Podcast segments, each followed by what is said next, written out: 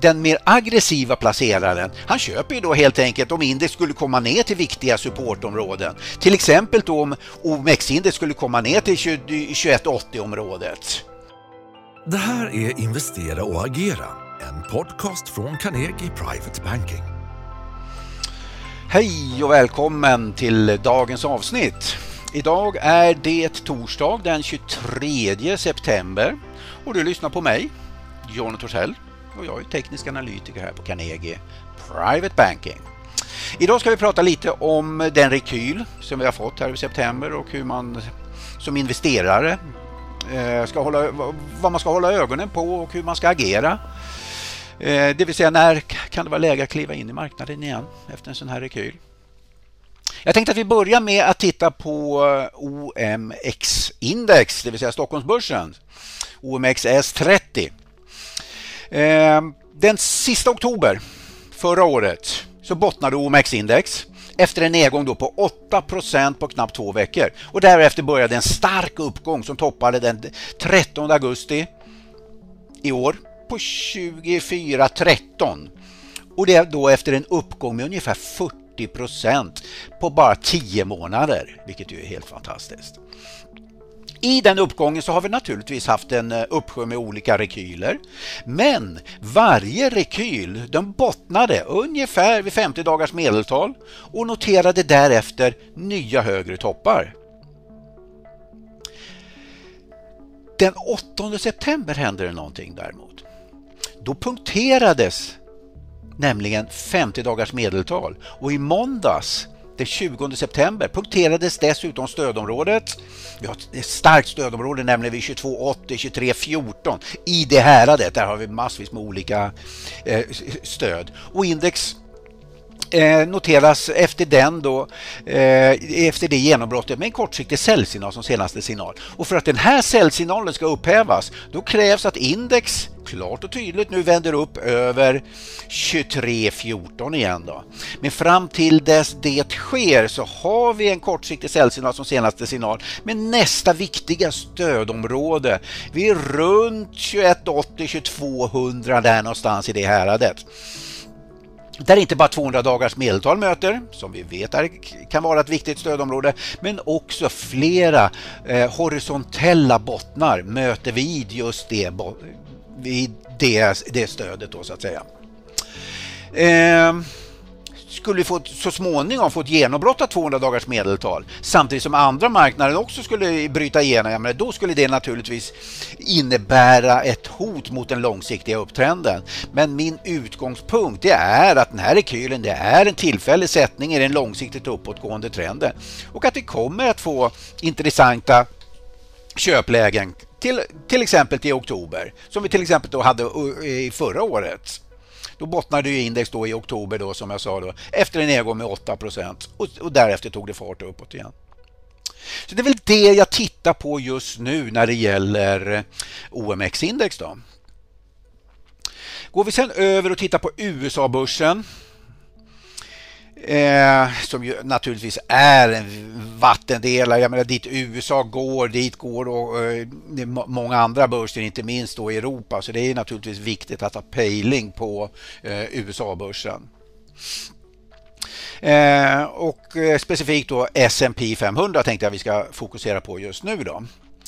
Eh, S&P 500 punkterade 50 dagars medeltal eh, under måndagen den 20 september det vill säga nu måndags. Eh, och så länge vi inte får en vändning upp över medeltalet igen, då har vi ett nytt beteende. Och varför är det ett nytt beteende kanske du frågar? Jo, därför att 50 dagars medeltal har fungerat som ett formidabelt stöd under hela det här senaste året. Nästa support möter vi 42.30, det vill säga vid den botten som träffades i juli och följt därefter då vid, vid eh, runt 41.20 område där 200 dagars medeltal möter, men också den mer långsiktigt uppåtgående trendlinjen. Om detta så, äh, område då så småningom skulle punkteras så skulle det naturligtvis vara en varningssignal för den långsiktiga trenden. Men fram till dess det sker så är min utgångspunkt att vi ska ha en botten eh, i oktober och därefter nya uppgångar Normalt sett brukar vi få viktiga bottnar i oktober. Historiskt har, har vi haft massvis med viktiga bottnar just i oktober. Till exempel då 50, 1957, 60, 66, 1974, 80, den klassiska botten 1987, 1990, 2002, 2011 men också då som sagt i oktober förra året så bottnar vi. Så det, det, är någonting viktigt. Skulle vi få en nedgång fram till oktober, eh, där blir det viktigt att börja hålla ögonen eh, på, på, ett nästa intressanta köpsläge. Då. Men vad krävs då? Vi befinner oss alltså i en kortsiktig säljsignal då som senaste signal. Obs kortsiktig, vi har inte fått några långsiktiga signaler. Eh, men vad krävs då för att vi ska få ett mer positivt scenario? Jo, eh, får vi ett genombrott upp över 50 dagars medeltal igen och gärna att bredden i marknaden blir bättre. Det skulle vara en indikation då på eh, att marknaden har fått tillbaka förtroendet. Det här var bara det här med fastighetsbolaget, det kinesiska fastighetsbolaget Evergrade, eh, bara tillfälligt eh, påverkade marknaden och att det här ska vidare uppåt igen. Då. Så, så det, det är väl det jag bevakar nu för marknaderna. Dels Både USA, Stockholmsbörsen befinner sig just nu med kortsiktiga säljsignaler, senaste signaler och för att upphäva de signalerna, ja men då krävs att index, att S&P tar sig upp över 50 dagars medeltal, OMX-index tar sig upp över 2314 och så småningom 50 dagars medeltal. Eh, får vi inte det, jag menar, då är det fortfarande oroligt och då söker vi en botten då i oktober. Som ju är oftast ett intressant eh, köpläge. Då. Men okej, okay, om vi då utgår ifrån att vi får en lite svagare marknad fram till oktober, hur ska vi då agera? Och det, det finns ju naturligtvis massvis med olika sätt beroende på vilken typ av placerare det är. Den mer aggressiva placeraren, han köper ju då helt enkelt om index skulle komma ner till viktiga supportområden. Till exempel då om OMX-index skulle komma ner till 2180-området. Eh, att man bara helt enkelt går in, går in och börjar köpa då. Nackdelen med det, det är ju det att vi vet ju inte om, om, det, om vi får en vändning där, utan det, för jag menar det kan ju falla rakt igenom. Vad ska man säga, den mer konservativa placeraren, han väntar inte bara på att index når viktiga stöd, utan vill också se en vändning eller någon typ av stapel som visar att det sannolikt har bottnat. Det vill säga att psykologin har bottnat, rädslan är över. Och hur kan det se ut då i ett diagram? Jo, det kan till exempel vara en stor reversalformation. Och vad är då en reversalformation? Jo, det skulle kunna vara till exempel att index faller kraftigt under inledningen av dagen eh, men vänder upp och stänger starkt och med en, med en stor omsättning. Det skulle kunna vara en sån variabel som vi, som vi kan se i, i bottnar. Och vilken typ av aktier då ska man fokusera på? Ja, men det är också en, en eh, lite individuellt. Ska man fokusera på de aktier som har tagit mest stryk i nedgången? Eller ska man fokusera på de aktier som har varit starka och inte gått ner så mycket? För det visar ju då att elefanterna, det vill säga börsens institutioner, de släpper inte ner aktierna. Så det, är också, det, det kan också vara ett bra sätt att agera.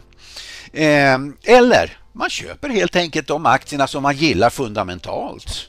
Det finns eh, för och emot med alla de här strategierna. Alternativt så kan man ju liksom eh, gå in och köpa en del av de aktierna som har gått ner mest, köpa ett par av dem.